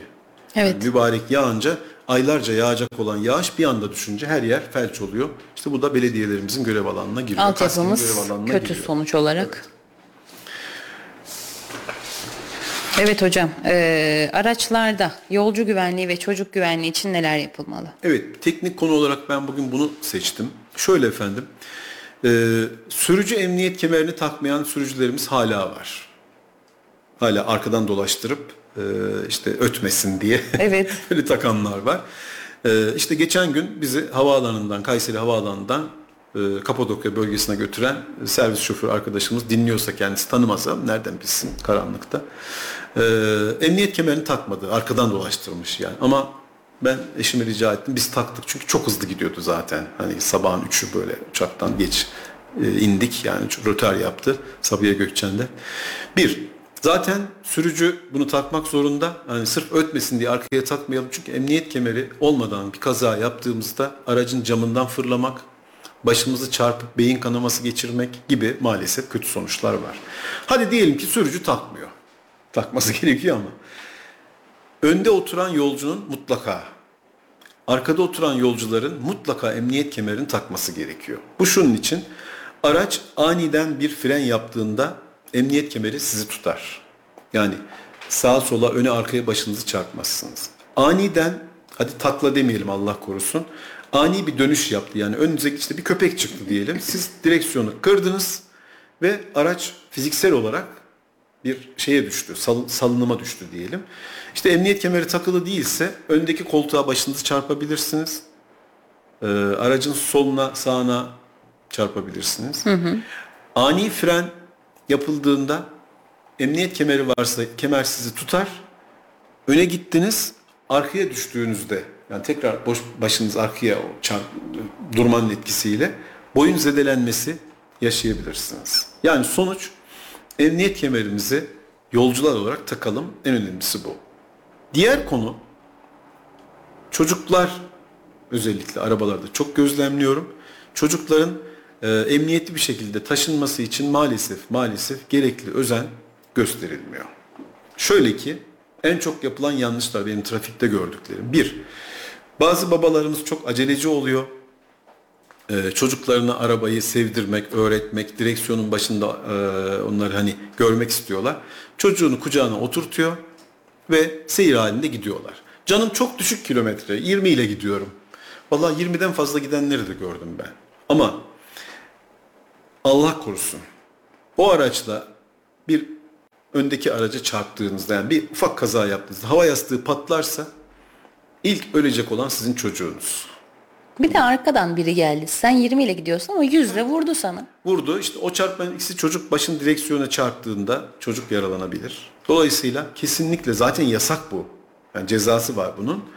Ee, sürücü koltuğunda çocuğu kucağa alarak ona direksiyonu tutturarak mahalle arasında dahi olsa lütfen bunu yapmayalım. Ki bence mahalle araları daha tehlikeli. Daha tehlikeli. Çocuklar yola çıkıyor vesaire. Diğer konu peki çocuklar nerede oturması uygun? Ee, bunun standartları var. İşte 12 yaşına kadar çocuklar e, ön koltuğa kesinlikle yani yolcu koltuğuna oturtulmamalı. Velev ki annemiz, e, babamız e, bebeğini sabah kreşe bırakmak için götürmek zorunda. O ters pozisyonda oturtması gerekiyor. Emniyet kemerlerinin öyle bir mekanizması var. Çocuk koltuklarının daha doğrusu. Çocuğu koltuğa ters bakar vaziyette oturtuyor. Kemeri bağlıyor. Böylece güvenli bir şekilde götürebiliyor. Ama o zaman da e, eğer araçta sürücü hava yastığı varsa onun devre dışı bırakılması gerekiyor. Bunların e, kimilerinde düğme var. Yani passengers airbag, yolcu hava yastığı off işaretinin olduğu bir e, uyarı var. Ya da kapı içlerinde kapıyı açtığımızda anahtarı sokarak e, yolcu hava yastığını devre dışı bırakmamız gerekiyor. Neden? Yolcu hava yastıkları çok büyük hacimli hava yastıkları. Yani yolcuyu koruması için icat edilmiş bunlar. Allah korusun o bebeğiyle ön koltuğa koyup e, seyahat ederken çarpma anda sürücü hava yastığı patlarsa o çocuğu koltuğa yapıştırabilir. O yüzden yolcu hava yastığını devre dışı bırakmak zorunda. Gelelim arka koltukta oturanlara. Arka koltukta oturanlar da mutlaka emniyet kemerlerini takmak zorunda. Dediğim gibi yaralanmalara karşı, e, ani çarpmalara karşı, Allah korusun takla atma durumunda emniyet kemeri bizi tutar. Bu çok güzel bir icat. Geçenlerde yine İbrahim bugün hep anıyoruz. E, Volvo'nun geliştirdiğini ve bundan patent e, talep etmediğini, patent ücreti talep etmediğini söylemiştik. E, milyonlarca lira diyeceğim artık çünkü arabalar milyonlarca lira oldu. Milyonlarca lira verip otomobil alıyoruz.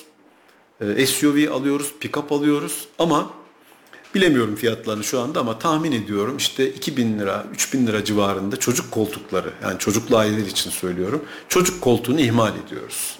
İşte teyzesinin kucağında gidiyor, babaannenin kucağında gidiyor. Çok Evet. tehlikeli bir pozisyon. Dolayısıyla bugünkü programımızda buna özellikle dikkat çekmek istedim.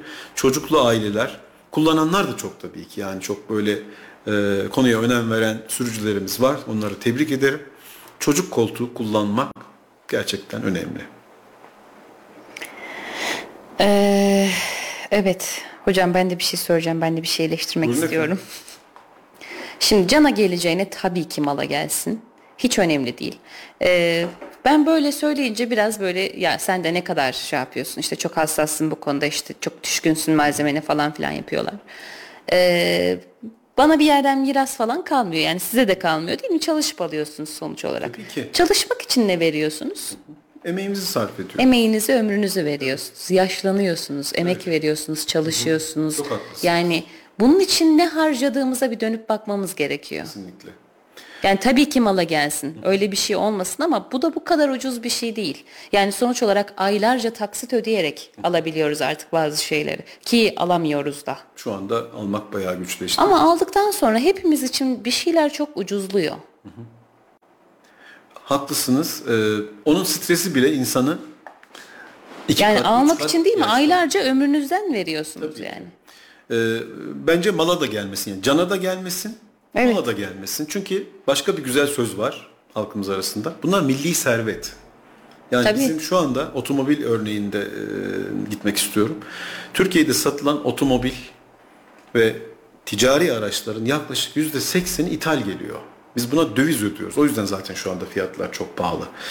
Bu araçlar bakım sırasında kullandıkları orijinal yedek parçalar ithal geliyor. Allah korusun bir kaza yaparsanız yani bir camınız patlasa bugün herhalde bir oto camı ortalama araçlar için söylüyorum en az 6-7 bin liradır. Tamam kasko olanlar kasko karşı. Kasko yoksa 6-7 bin lira bir cam için Ki o da yeni araçlarda var değil mi? Yani yap- yaptırırsanız işte evet. Sigorta şirketleri de yapmıyor. Ee, sigorta Yaşlı araçlara. Kasko olursa ancak öde- ödeniyor. O da yılda bir sefer yani birden fazlası ödemiyorlar. Dolayısıyla e, bir yandan aracınızın hasar görmesi, bir, e, Allah korusun işte parçasının kırılması, ne bileyim yürüyen aksamında bir arıza meydana gelmesi artık o e, şey oluyor. O araç arızalı, hasta bir araç haline geliyor. Belki her gün o tedirginlikle aracınıza biniyorsun. Niye mala gelsin ki? Mala da gelmesin.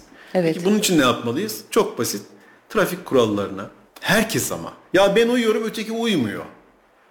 Ya işte sloganlar var. Sen trafikte örnek ol, başkaları seni görecektir falan filan gibi ama ben yine söylüyorum bütün programlarda bu hep konu geçti. Ee, üstüne basa basa söyledik. Sürücü kurslarında trafik kültürüne, başkalarına saygı duymaya yönelik derslerin şey yok. artırılması gerekiyor. Hiç yoksa da bilmiyorum ben çünkü Yok 30 ben hiç trafik ehliyeti. kültürü diye bir ders almadım. Ben de alalı 10 yıl oldu da hocam. Trafik kültürü gerçekten e, toplum için, toplum sağlığı için, e, canımız için, malımız için gerçekten önemli. Yani çıkan sınav soruları zaten hepsi birbirinin aynısı. Birkaç tane soru çözseniz benzerlerini yapabilirsiniz. Ee, şey pratik kısma gelince de araç sürme kısmına gelince de aa sen kaldırabiliyorsun gidebiliyorsun tamam sen yarın gelme. Bu kadar. Maalesef e, hani ehliyet eğitiminin, sürücü belgesi eğitiminin ve sınavının yeniden gözden geçirilmesi gerekiyor. Buradan Kesinlikle. sürüyoruz. İşte her programda tekrar edelim dediğimiz sloganı yeri gelmişken hemen tekrar edelim. Lütfen sinyalimizi vererek dönüşlerimizi yapalım. Evet Lütfen sinyal kolunu kullanın. kullanalım. Sinyal kolunu eskitiniz. Lütfen buradan dinleyicilerimize mesajımız budur efendim. Hocam dizel partikül filtresi nedir? Bilmiyor musunuz siz bunu? Ben hiç bilmiyorum. İsmini de ilk defa söylüyorum. Sizin araç dizel miydi bu arada? Hayır. Ha bensin. O zaman bilmezsiniz. Efendim dizel partikül filtresi e, Euro normları dediğimiz yani Avrupa Birliği e, kurumlarının icat ettiği e, araç dizel araçların motorundan çıkan atıklardan partikülleri çünkü bunlar partikül de atıyorlar. Partikülleri tutan, depolayan, sıkıştıran Sonra da motoru aşırı ısıtarak, aşırı derken yani onu yakacak kadar ısıtarak yakıp egzozdan atan bir sistem. Ben de temizlenmesi gereken bir şey diye düşünmüştüm. Temizlenmesi gerekiyor zaten. Şimdi Peki. oraya geleceğim. Ee, dizel partikül filtresi uzun yol yapan e, araçlarda çok sorun olmuyor. Övünmek gibi olmasın. Benim aracım şu anda 281 bin kilometrede.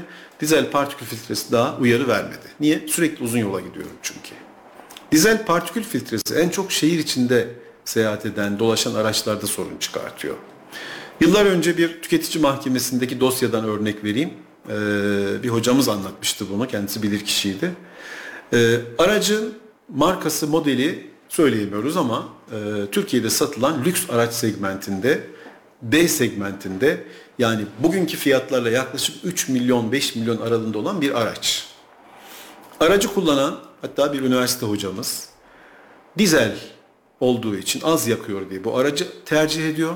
Ama hocanın sabah üniversite Erciyes Üniversitesi lojmanlarından fakülteye gelmesi 2 kilometre. Gitmesi dolaşırsa 3 kilometre. Yani kampüs içinde kullanıyor. Ara sıra da eşiyle markete gidiyor. İşte 3-5 ayda bir de bir Ankara yapıyor falan filan. Ve çok düşük kilometredeyken araç garanti kapsamında dizel partikül filtresi uyarı veriyor. Ee, bir sarı bir ışık işte böyle filtreye benzer bir şey. Meraklı dinleyicilerimiz bilirler bunu. Ee, sadece arıza gibi çıkmıyor. Uyarı veriyor. Uyarı veriyor. Şimdi bu durumda e, genellikle tanıtım kataloglarında veya kullanma kılavuzlarında yazar. Dizel partikül filtresi uyarı verdiğinde şunu yapmak lazım. Aracınızla e, hani hız yapabileceğiniz, bakın burada yanlış mesajı olmasın. Neresi mesela? Kayseri'nin güney veya kuzey çevre yolu işte 120 kilometre hız sınırı olan yerler. Buraya çıkıp yüksek viteste, tabii otomatik vitesli araçlarda spor modunda diyelim. Ee, ya da mümkünse manueli alıp işte vites düşürerek hani kulakçıklardan. Manuel araçlarda da örneğin 6. viteste değil de 5. veya 4. viteste gaza yüklendiğimizde motor devrinin 2500'ü geçip böyle 3000'lere dayandığı hani motoru bağırtmak dediğimiz şekilde yaklaşık bir 30 kilometre aracı bağırtmanız gerekiyor. O sırada motor e, partikül filtresini ısıtarak partiküllerin yanmasını ve egzozdan atılmasını. Zaten o zaman arkadan böyle bir mavi duman çıkar. Ve grimsi bir duman çıkar. Şu demektir. Araç partikül filtresini yakıyor. Şimdi şöyle bir örnek vereyim ben. Ya da şey hocam bana getirsinler ben çok devirsiz kullanıyorum. Ha, benzinli araçlar için sorun değil. Yani hele hele e, turbo değilse araç çok sorun değil. E, uzun bir yoldan geldik e, veya işte şehirler arası bir yoldan geldik diyelim. E, aracımızı tam işte evin önüne geldik. e, park etmek istiyoruz. Araç fanı çalışıyorsa gösterge 90'ı geçmiş bile olabilir. Ben iki sefer buna şahit oldum. Yani 90 derecenin üzerine hafiften çıkmış olabilir. Hafiften diyorum ama dikkat edin. Çok kırmızı bölgeye yaklaşın zaten arabalar uyarı veriyor. Hani motor aşırı hızlı kapatın diye. Fan çalışıyorsa bu şu demektir. Aracımızın partikül filtresindeki partiküller yakıldı veya yanıyor şu anda. Biraz evvel hararetten mi bahsettiniz Evet hocam? evet 90 derece yani araba harareti. Teş- e, teşekkür ederim uyarınız için. Hani hararet göstergesi klasik deyimle. 90'ın üzerini biraz geçmiş olabilir. Fan böyle hani cayır cayır bağıra bağıra çalışıyorsa yani son hızında çalışıyorsa aracı stop etmeyelim. Biraz bekleyelim. Fan çalışmaya devam etsin. Sonra kontağı kapattığımızda fan zaten hani o derece düşünce kendini kapatacaktır. Bu dizel partikül filtresinin yandığı anlamına geliyor. Fakat tekrar söylüyorum. e, olayımıza dönecek olursak hocamız servise başvuruyor diyor bu araba garanti kapsamında. Neden diyor bu arızayı verdi? Lütfen bunu düzeltin. Onlar da diyorlar ki bu kullanma kılavuzunda yazar yani servis yetkilileri. Aracınızı diyor şehir dışına çıkacaksınız. Yüksek devirde kullanacaksınız 30 kilometre. O zaman söner bu diyor. Olur mu canım diyor böyle şey. Hani tüketici böyle bir e, tepki gösteriyor. Her dizel araçta var değil mi hocam? Tabii ki. Ee, yani şu anda Euro 6 Plus normuna geldik biz. Otobüslerin arkasında görüyorsunuzdur işte Euro 3, Euro 5, Euro 6 falan gibi. 6 Plus'tayız şu anda biz Türkiye'de buna imza attık bu sözleşmeye. 6 Plus e, da- çok daha az partikül. Ye- 7'si çıkacak işte yakında dizel motorlar için söylüyorum. Dolayısıyla Euro normları gereği bunun mecburiyeti var. Bazıları araç devirden düşüyor işte hız yapmıyor diye söktürüyorlar bunu. Çok yanlış bir hareket onu da söyleyelim. Yani dizel partikül filtresini söktürüp Tabi yazılım falan da yani otomobilin kafası karışıyor bu sefer. Öyle bir tehlikesi de var. Bir türlü düzen tutmuyor motor devri. Kesinlikle söktürmemek lazım. Neyse hocamızın olayına dönelim tüketicimizin. Ee, servis iyi niyetten bunu temizliyor. Bir temizleme yolları var. Kim işte sıvı kullanıyor bir takım. Bazı ilkel yöntemler de görüyorum yani Instagram'da falan ama onları yapmamak lazım. Örnek verin de hocam bilelim. Yani şöyle tam nasıl yaptıklarını bilmiyorum. Aracın egzozundan böyle e, soba temizliği gibi e, kilolarca e, atık çıkıyor, partikül. Artık onu neyle yapıyor onu bilmiyorum yani. Bu partikül dediğiniz duman değil değil mi? Yok bildiğiniz katı atık yani katı atık bu. E, eskiden sobalarımız dolardı şimdi soba kalmadığı için siz gençler bunu bilmiyorsunuz. Ben biliyorum. Soba temizliği diye bir şey vardı. Annelerimiz babalarımız sökerdi onları temizlerdi güzelce. Yani kurum bağlıyor Kurum gibi bir şey Evet, yani. ama- öyle akan. Tekrar söylüyorum. Bu partikül filtresi egzozdan ilk çıkışta bir yerde bunu tutuyor ama. Yani hapsediyor. Böylelikle atmosfere vermiyor bunu. Hani zehirli bir madde çünkü partikül. Dolayısıyla tutuyor. Sonra sıkıştırıyor bunu. Onu nasıl yaptığını bilmiyorum. Ben otomobil mühendisi değilim. Sonra da belli sıcaklıklarda işte yüksek devirlerde bunu yakarak duman olarak atıyor. Ama şehir içi kullanımlarında bu tüketicimizde olduğu gibi kısa mesafede çok kullanılan dizel araçlarda partikül filtresi mutlaka uyarı veriyor. Bundan kaçmak için ne yapmak lazım? Ara sıra e, motorun şu anda pahalı ama e, aracımızı yani haftada bir mi diyeyim artık 15 günde bir önerim e, zaman dilimi öneremiyorum ama yüksek devirde hiç olmazsa 100 kilometrenin üzerinde süratle aracı şehir dışında sürmek gerekiyor. Dizel aracı. Benzinde böyle bir problem yok. Benzinlerde katalitik konvertör sorunu çıkabiliyor. O ayrı bir konu. Dolayısıyla dizel partikül filtresi böyle önemli bir parça. Bunu iptal ettirmemek gerekiyor. İptal ettiğin zaman aracı- aracımızın kafası karışıyor. Yani beyni sulanıyor öyle diyelim. Espri yapalım. Ee, temizliğini yapan firmaları görüyorum. Yani aracın dizel partikül filtresi dolmuş. Bir takım sıvılar falan satılıyor. İşe yarıyor mu yaramıyor mu vallahi onları bilmiyorum. Yani çünkü o kadar teknik bir eleman değilim ben. Ee, ama Tabii önermiş de olmayalım. filtresi çevre için önemli bir parça. Katalitik konvertör nedir? Katalitik konvertörde katalizör Konvertör. diyorlar. O da aynı aşağı yukarı bir şey e, sistem ama şöyle yine egzozun çıkışında o da yine o euro normlarını, egzoz normlarını karşılamak için aynı zamanda da egzoz muayenesinde de hani e, egzoz muayenesinden de geçebilmemiz için katalitik konvertör şu. E, bir lambda sensörü var bunun e, katalitik konvertörün ilk girişinde. Yakıt sarfiyatını bir yandan azaltan, e, bir yandan da işte çevreye zehirli gaz salınımını daha az tüketim olduğu için azaltan bir sistem. Öyle anlatayım artık. Yani bir, birinci amaç ne? Çevreyi daha az gaz atığı, çevreye daha az gaz atığı e, atılmasını temin etmek için geliştirilmiş bir sistem. Ne yapıyor? E, egzozun tam çıkışındaki bir sensör vasıtasıyla motor ve o sensör arasında bir ilişki kurarak siz gaza aşırı yüklenseniz bile motor belli bir sarfiyat yapıyor ve böylece atık miktarı azalıyor. Ama bu yine e, bazı meraklı dinleyicilerimiz katalitik konvertör iptali dediğimiz bir şey yapıyorlar. O zaman da yine arabanın kafası sulanabiliyor. Buna dikkat edelim. Yani onu iptal ettiğinizde ne oluyor? İstediğiniz kadar performansınızı artırabiliyorsunuz. İşte yazılım güncellemesiyle şununla bununla. İbrahim olsaydı şimdi daha güzel şeyler söylerdi belki. Ee, Modifiye ettim aracımı diyor. İlk yapılan iş katalitik konvertör çıkarmak. İşte her ikisinde de dizel park Bize faydası nedir? bize faydası, e, topluma faydası şu. Zehirli gaz dediğimiz egzozdan çıkan bu gazın eğer katalitik konvertör yoksa artmasına sebep oluyor. Eski araçlarda yok mesela. Yani çevreci bir Kesinlikle yani çevreye, Ee, insanlığa, çocuklarımıza faydası olsun diye yani bilim insanları. ama araç için mekanikte, teknikte bir e, faydası var mı? Ee, faydası yok tam tersi hız yapmak istediğin için zararı var yani. Faydası da yakıt tüketimini düşürmesi. Çünkü üretici size bir yakıt tüketimi veriyor. Diyor ki işte şehir içinde 7.6 yakar, şehirler arası 4.7 yakar veya 5 nokta bilmem kaç. Evet. Bunu sağlayabilmek için bu sistemlerin çalışır durumda olması lazım. Ee, katalitik konvertörü iptal edersek ne olur? İşte herhalde onu sormak istediniz. Bir, çevreye saldığımız gaz, zehirli gaz miktarı artar. Bir de yakıt sarfiyatımız artar. Dolayısıyla e, üreticinin önerdiği veya işte taahhüt ettiği yakıt sarfiyatı miktarlarını kesinlikle tutturamayız. Her araçta vardır. Bunları bunlar sonradan söktürülebilir değil mi? Şöyle yeni yeni dediğim e, zannediyorum işte 2000'li yılların başından itibaren tabii mevzuatların yürürlüğe, yönetmeliklerin yürürlüğe giriş tarihine bağlı olarak e, dizel araçlarda partikül filtresi zorunlu e, ve benzinli araçlarda katalitik konvertör zorunlu. E, dolayısıyla eski araçlarda yok. 2000 öncesi araçlarda yok. E, bazı böyle ağır vasıtaları da görüyorum gerçekten. Yani aşırı bir egzoz salınım var böyle aracın gazına bastığı zaman kaptan. Böyle yola bir siyah bir e, Alaaddin'in lambasından çıkan dev gibi diyelim bir şey oluyor. Bir duman çıkıyor. Evet. Yani konvertör, konvertör hiçbir şey yok ya eski sistem çünkü egzoz. Motordan çıkan ne varsa olduğu gibi e, yola gidiyor.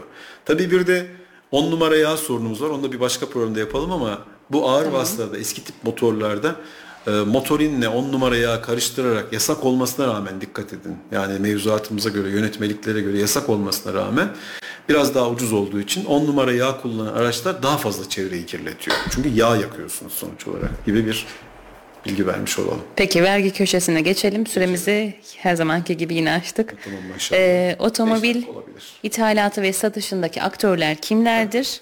Sektördeki vergi sorunları nelerdir? Geçen programımızda yine sona kaldı. Evet. Ee, konular dağılınca. Dağılmıyor aslında. Güzel mesajlar verdiğimizi düşünüyorum. Takdir dinleyicilerimizin tabii ki ama. Şimdi otomobil ithalatı satışındaki aktörler geçen haftaki kaldığımız yerden söyleyelim. Bir, resmi distribütörler dediğimiz yani markaların Türkiye'de bu araçların dağıtımına tek yetkili olan. İşte markaları saydık ama bir daha sayalım. İşte Fiat'tan tutun Honda'sı, Mercedes'i yani bütün bu araç markaları bizim ambardaki o sağdaki özellikle markalar Renault'su, bilmem Dacia'sı. Ee, üretildiği ülke Fransa, distribütörü Türkiye distribütörü işte Renault Mais. Üretildiği ülke İtalya, Türkiye'deki dağıtıcısı Tofaş. Üretildiği ülke Japonya, e, ne bileyim işte Almanya özellikle ağırlıklı olarak. Distribütörü Türkiye'deki işte e, Doğuş Oto e, vesaire. Türkiye'de üretilen araçları da bunlar. Mesela e, örnek vermek gerekirse işte Ford'un bazı modelleri Türkiye'de üretiliyor ama onun distribütörü de yine Otokoç AŞ. İsimleri verebiliriz burada bunlar distribütör. Tabii tabii. Şimdi distribütörler ne yapıyor? Arabayı ya ithal ediyor ya da üretip bayilere dağıtıyor. Bayilerin diğer adı yani özel tüketim vergisi mevzuatındaki adı e,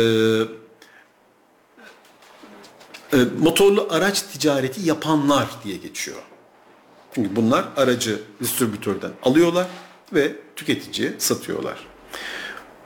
Bunlara da bayi diyoruz ve motorlu araç ticareti yapanların bir kısmı. Motorlu araç ticareti yapan diğer kesim özel ithalatçılar.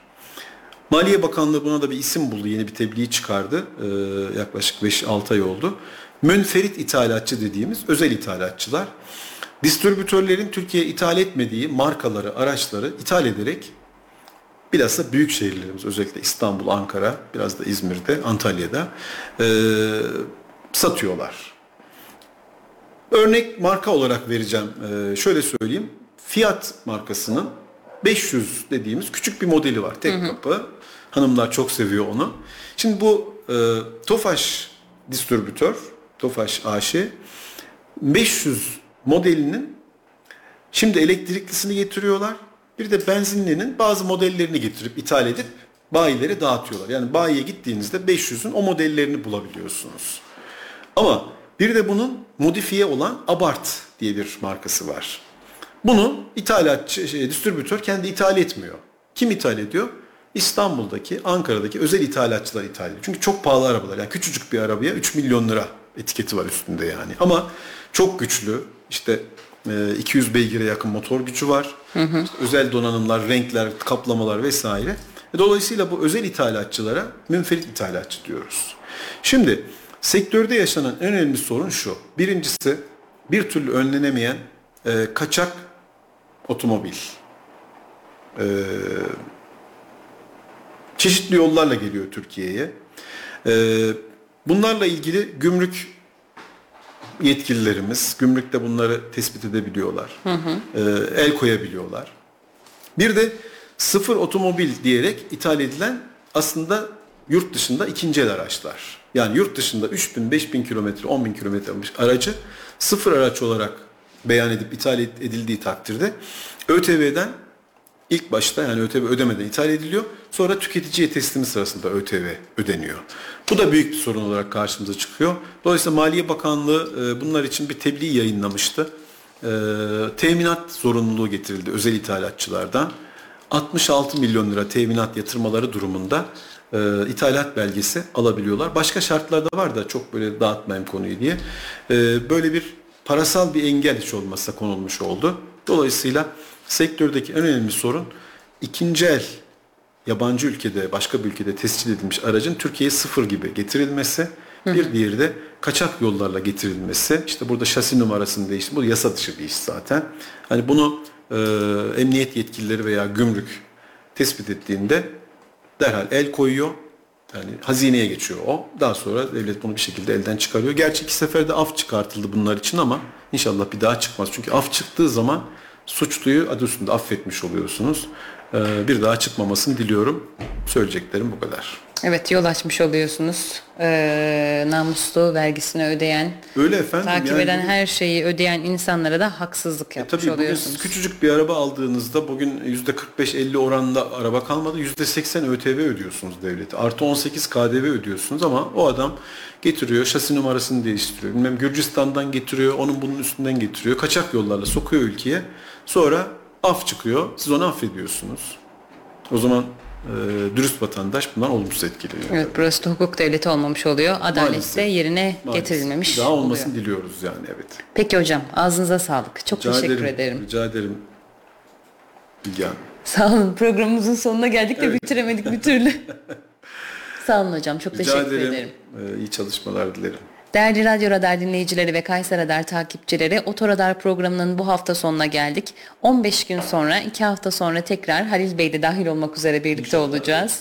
Tekrar görüşünceye dek iyi haftalar diliyorum. Hoşçakalın. Kazasız günler dilerim, iyi günler. Bilge Nur Ülger ve Ahmet Somuncu'nun hazırlayıp sunduğu Otoradar sona erdi.